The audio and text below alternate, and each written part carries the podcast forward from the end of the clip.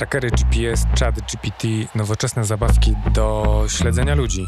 Historie jak ze szpiegowskich filmów z udziałem Jamesa Bonda. O tym dzisiaj w podcaście frontstory.pl po konferencji Global Investigative Journalism Network w Göteborgu, na której byliśmy razem z Mariuszem Sapiołą i redakcją frontstory.pl. W podcaście Front Story wracamy trochę do korzeni naszego podcastu, czyli do opowiadania o kulisach dziennikarskich śledztw z takiego punktu widzenia warsztatowego dzisiaj, ponieważ dzisiaj chcielibyśmy opowiedzieć trochę więcej o narzędziach i metodach, których używają dziennikarze śledczy w swojej pracy, a które wbrew pozorom są dostępne dla każdego i być może przydadzą też się Państwu y, w Państwa pracy, czy hobby, czy po prostu rozwijaniu ciekawości świata. Rozmawiamy z Mariuszem o tym, czego się dowiedzieliśmy na niedawnej konferencji dziennikarstwa śledczego w Göteborgu. Redakcja Front Story była jedyną redakcją z Polski, która brała udział w tej konferencji. Mariusz był stypendystą GIGN, czyli Global Investigative Journalism Network i dzięki temu mógł brać udział we wszystkich panelach i dyskusjach na temat dziennikarstwa śledczego. Czego się dowiedziałeś? Co cię tam najbardziej zainspirowało? Coś, czego do tej pory nie korzystałeś w swojej codziennej pracy, a uważasz, że bez tego już w tym momencie nie możesz się obejść? Po pierwsze dowiedziałem się, że warto myśleć e, trochę jak maszyna, a nie jak człowiek, przeszukując media społecznościowe i w ogóle przestrzeń wirtualną. Tego się dowiedziałem z jednej z sesji Henka Van Essa, specjalisty od właśnie przeszukiwania między innymi Google'a, człowieka, który uczył Google'a, jak przeszukiwać e, Google'a. Legendy. Tak jest, legendy w tym, w tym świecie, który często pomaga dziennikarzom śledczym w ich poszukiwaniach i, i który w swoich wystąpieniach e, bywa bardzo przebojowy, bardzo sugestywny, a jednocześnie bardzo konkretny. Ale co masz na myśli mówiąc, że trzeba myśleć jak maszyna? Bo być może mówimy o tym samym panelu, na którym byliśmy, to znaczy o tym, w jaki sposób wykorzystywać sztuczną inteligencję do dziennikarskich researchów. Tak, ten konkret, z którym przychodził Hank Van Es do nas, do dziennikarzy, polegał na tym, żeby poszukując na przykład danego dokumentu, albo zbioru danych, albo informacji o danym człowieku w internecie, przede wszystkim w wyszukiwarce Google, a też innych, nie myśleć jak człowiek w tym sensie, żeby tej wyszukiwarce nie zadawać trochę naiwnych pytań. Na przykład pytając o dany problem, dodając słowo statystyki, ponieważ w dokumencie, którego poszukujemy, to słowo statystyki się na 99% nie znajdzie, ale znajdą się za to inne słowa, które w tego typu dokumentach się znajdują. W związku z tym chodzi o to, żeby zastanowić się, jaki jest, jaka jest logika, w cudzysłowie, myślenia komputera, na czym polega logika konstruowania takich zasobów wirtualnych przez sztuczną inteligencję i w jaki sposób sztuczna inteligencja poszukuje informacji i danych, których my poszukujemy za pomocą konkretnych słów kluczowych. I właśnie takie konkretne słowa kluczowe w, rozmaitych konfiguracjach to był temat jednego z wystąpień Henka Van Essa, i który właśnie powtarzał, żeby poszukując danych informacji, zastanowić się, jak te informacje E, w jaki sposób one są opowiedziane w dokumencie, w jaki sposób one są skonstruowane i żeby trochę y, zapomnieć o tym, czego poszukujemy tak naprawdę i spróbować y, zastanowić się nad tym, co może znaleźć się w danym zbiorze informacji, a co może naprowadzić sztuczną inteligencję na ten dokładnie dokument. No i na tych przykładach, które pokazywał i też w, w takich ćwiczeniach, które mogliśmy sobie na bieżąco wykonywać, okazywało się, że rzeczywiście rzeczywiście to działa. Tak zwane Google Docs, czyli te słowa kluczowe w rozmaitych konfiguracjach, rzeczywiście doprowadzają do miejsc, do przestrzeni w internecie i do, do zbiorów danych, których poszukujemy. Myślę, że od razu warto wspomnieć w tym momencie, że wszystko to, o czym mówimy, będzie do znalezienia też na stronie Fundacji Reporterów i tam będzie można się zapoznać z takim krótkim poradnikiem czy też przewodnikiem, który przygotowuje Mariusz na temat narzędzi do przeszukiwania sieci, w poszukiwaniu ciekawych informacji. A wracając do Henka Van Essa, to ja byłem też na jednej z jego prelekcji, z jego szkoleń, warsztatów. I to, co zrobiło na mnie wrażenie, czy też otworzyło mi trochę oczy na to, w jaki sposób można wykorzystywać sztuczną inteligencję do researchu po prostu, bo muszę przyznać, że od kiedy pojawiła się taka możliwość rozmawiania z czatem GPT, byłem bardzo sceptyczny co do wykorzystywania tego do czegokolwiek, mając z tyłu głowy y, sceny i film Łowca y, Androidów i tego typu klimaty. Y, nie chciałem jakoś, y, nie zależało mi specjalnie na tym, żeby karmić tego potwora, ale okazuje się, że to, o czym mówiłeś, umiejętne zadawanie pytań przy wykorzystaniu logiki myślenia, mm, no nazwijmy to komputera, tak, czy tego, w jaki sposób dane są przechowywane, szeregowane, klasyfikowane e, w sieci, e, może dać znakomite rezultaty i to, co Henk van Es proponował, czy to, o czym opowiadał, no to właśnie ta rozmowa z czatem GPT, w którym on pytał, co powinienem zrobić, żeby znaleźć to i to. E, a te pytania były przeróżne, dotyczyły zarówno tego, w jaki sposób na przykład uporządkować zbiór danych, który pozyskaliśmy z jakiegoś dokumentu, ale też pytał o to, w jaki sposób na przykład zdjęcie osoby, której poszukiwał, e, które znalazł w sieci w bardzo niskiej rozdzielczości, w jaki sposób spowodować, żeby to zdjęcie było wyraźne, żebyśmy mogli dostrzec osobę, która e, widnieje na tym zdjęciu. Okazało się, że jest to bardzo proste. Wystarczy zmienić kilka ostatnich liter i cyfr, e, w kodzie, w linku, który mamy w polu wyszukiwania w przeglądarce internetowej. Mm, a to jest coś, co podpowiedział ChatGPT. I ostatnia rzecz jeszcze, która mm, zapadła mi w pamięć, a która była bardzo cenna, to to, że po każdej takiej rozmowie z czatem GPT, który prowadził trochę za rękę Henka Van Essa w jego poszukiwaniach, on zadawał pytanie, jakie pytanie powinienem zadać ci na samym początku, żeby uzyskać ten rezultat, do którego doszliśmy na samym, na samym końcu, w tych ośmiu krokach, jak sobie skrócić tę drogę. I ChatGPT proponował, co powinien w pierwszej kolejności, w jaki sposób powinien sformułować swoje pytanie, żeby żeby tę drogę skrócić. Rzeczywiście czasami w tej naszej pracy dochodzimy do takich momentów, kiedy pojawia się ta, ta taka techniczna, technologiczna ściana nie do przebycia. Wydaje się, że ona jest nie do, nie do przebrnięcia i nie, nie do przełamania i wtedy no, zastanawiamy się, co, co zrobić, żeby żeby ulepszyć, zwiększyć skuteczność tego naszego researchu i Henk Van Es rzeczywiście podawał wiele takich konkretnych przykładów, kiedy jemu się to udało.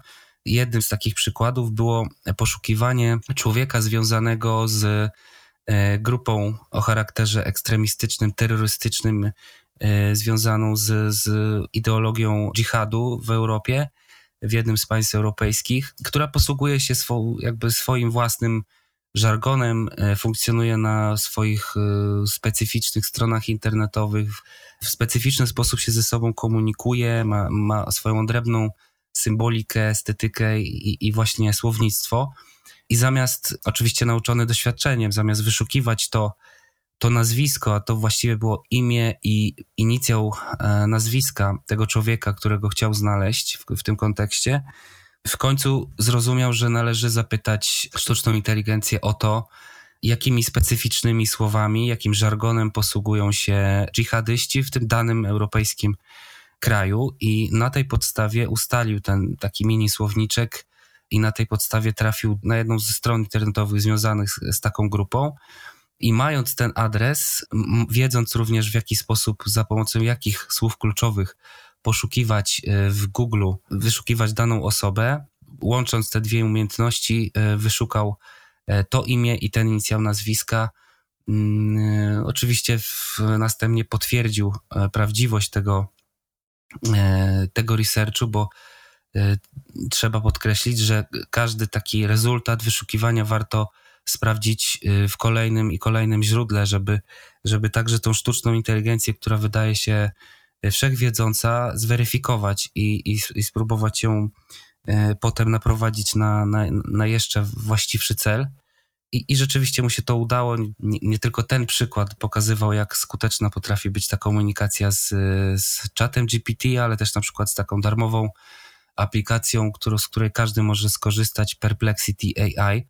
Ja przyznam potem, że miałem takie doświadczenie że musiałem przeanalizować y, wiele stron uzasadnień do wyroków sądowych, które dotyczyły akurat tekstu, który już, y, już był jakiś czas temu opublikowany na frontstory.pl naszego śledztwa narkotykowego z cyklu właśnie Narcofiles o świadku przestępczym w Holandii i roli Polaków w przemycie narkotyków i właśnie w świadku przestępczym w krajach Beneluxu.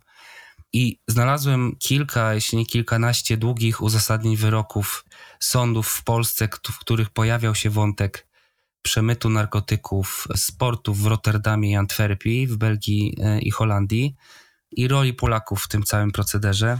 No i chciałem po prostu mieć takie, takie ogólne e, dane z lotu ptaka, można powiedzieć, dotyczące właśnie tego, tego zjawiska przemytu czy roli Polaków w przemycie narkotyków z Holandii i z Belgii.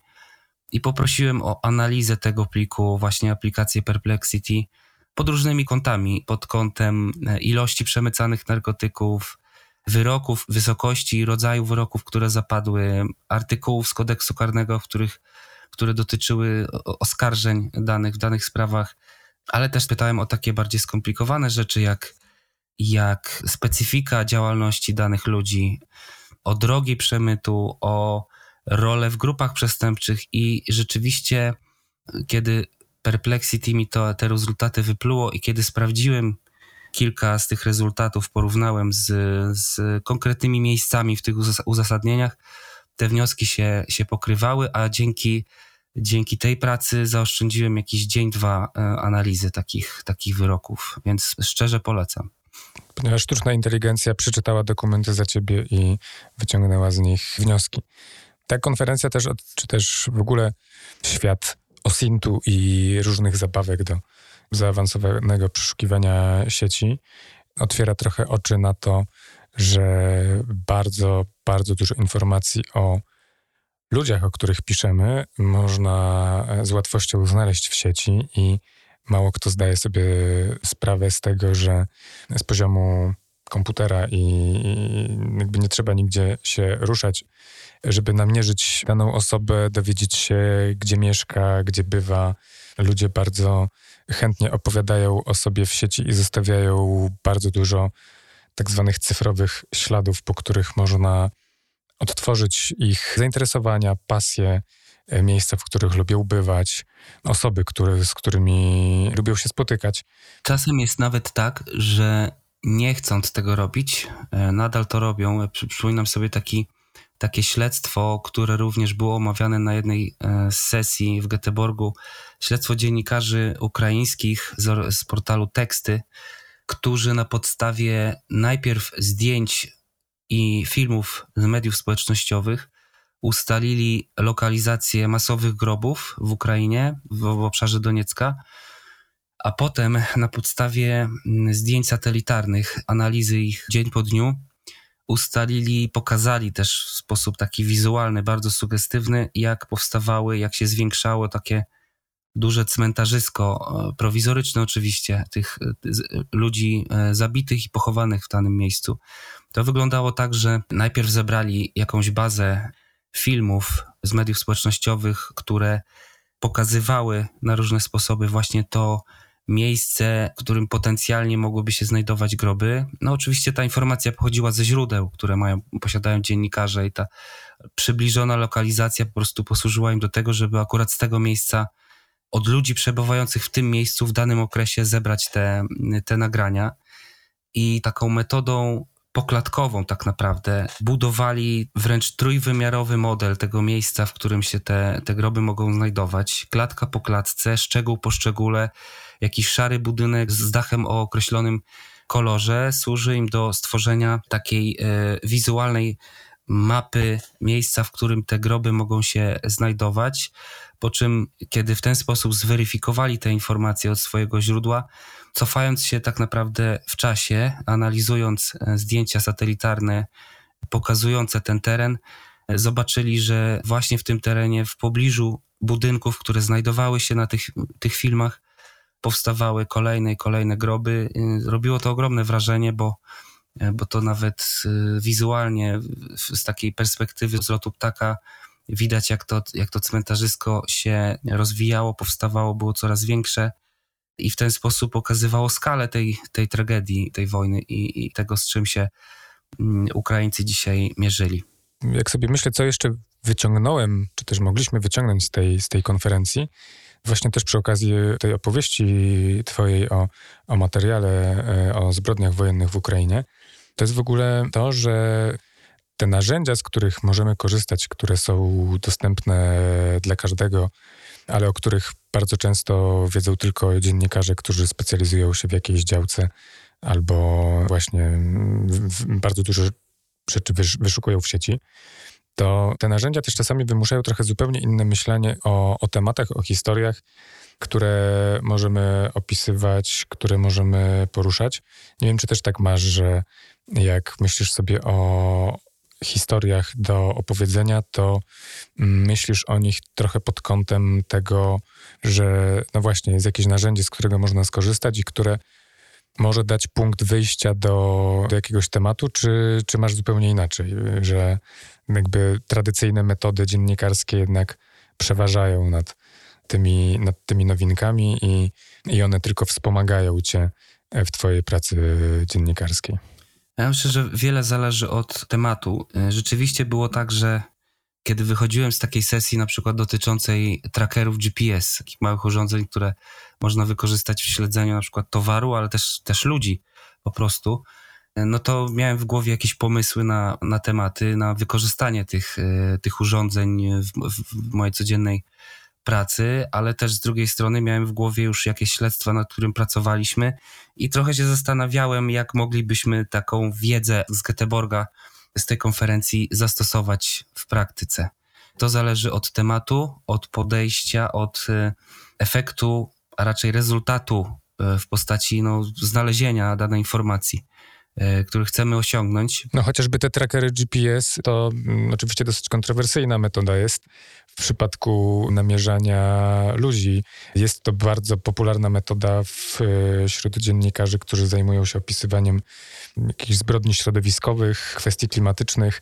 Na przykład wielokrotnie przy materiałach, które dotyczyły transportu nielegalnych odpadów. Jakby trackery GPS umożliwiały prześledzenie drogi takiego transportu z, no, ze śmieciami, z jakimś niebezpiecznym odpadem, który miał trafić w miejsce A, a w rzeczywistości trafiał w miejsce y, B. I C, i D. I na tej podstawie można było odtworzyć pewien nielegalny proceder i go opisać. Jedno z najsłynniejszych śledztw e, takiego szwedzkiego e, programu Mission and Investigate, programu śledczego w szwedzkiej telewizji, właśnie było zbudowane i powstało w ogóle dzięki trackerom GPS, a dotyczyło mafii, która zarabiała na kradzieży i handlu używanymi ubraniami, które pewnie każdy z nas gdzieś tam od czasu do czasu wyrzuca do takich specjalnych pojemników, które mają trafiać do organizacji charytatywnych. W Polsce jest to chyba w większości Caritas. Charakterystyczne kontenery, tak, chyba też y, PCK kiedyś zajmował się rozstawianiem takich, takich kontenerów. Swoją drogą w Polsce mieliśmy aferę związaną z kontenerami PCK i ona działa się we Wrocławiu. Zaangażowani w nią byli ludzie związani z europosłanką Prawa i Sprawiedliwości Anną Zalewską. Ale to taka dygresja. W Szwecji dziennikarze otrzymali tak zwany cynk od informatora, który twierdził, że w części, to w, zdaje się dość dużej części tych kontenerów, zdarza się tak, że pod osłoną nocy te ubrania z tych kontenerów znikają jakimś cudem, że ktoś je otwiera i te ubrania wyjmuje i nie wiadomo, co z tymi ubraniami się, się dzieje, zamiast trafiać do ludzi potrzebujących, te ubrania trafiają gdzieś prawdopodobnie na czarny rynek. Informacja była też taka, i dziennikarze też to zweryfikowali, że ktoś te kontenery musi otwierać. Nawet kiedy wymieniono we wszystkich zamki i kiedy te zamki mogły być obsługiwane tylko i wyłącznie przez ludzi, którzy się tym profesjonalnie zajmują, okazało się, że te ubrania nadal znikają, co kazało dziennikarzom pomyśleć, że jest to działanie zorganizowane i uczestniczą w nim, e, dopuszczają się tego procederu ludzie, którzy mają swoje kontakty w tego typu organizacjach po prostu.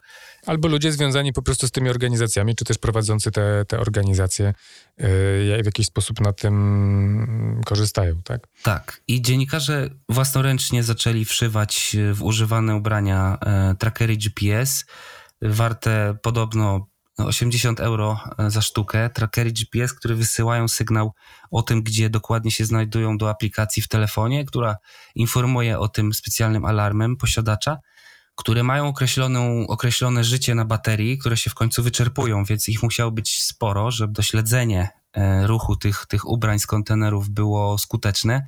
No i włożyli te ubrania do kontenerów i kilka dni później z zaskoczeniem odkryli, że że rzeczywiście te ubrania się poruszają. Najpierw nie było to nic dziwnego, bo ktoś te ubrania musi odbierać, ale kiedy zobaczyli, że partie tych ubrań przemieszczają się zupełnie nie w te adresy, w które powinny się przemieszczać, tylko na przykład na Litwę, na Łotwę, czyli zupełnie poza, poza Szwecję i nie, i nie powinny się tam znajdować, no zaczęli angażować też swoich partnerów, y, między innymi y, naszego kolegę Szaro, nasza Czerniauskasa z, z Litwy, ze Sieny, dziennikarza śledczego, który pomógł im w namierzeniu tych miejsc, w których się te ciuchy ostatecznie znalazły.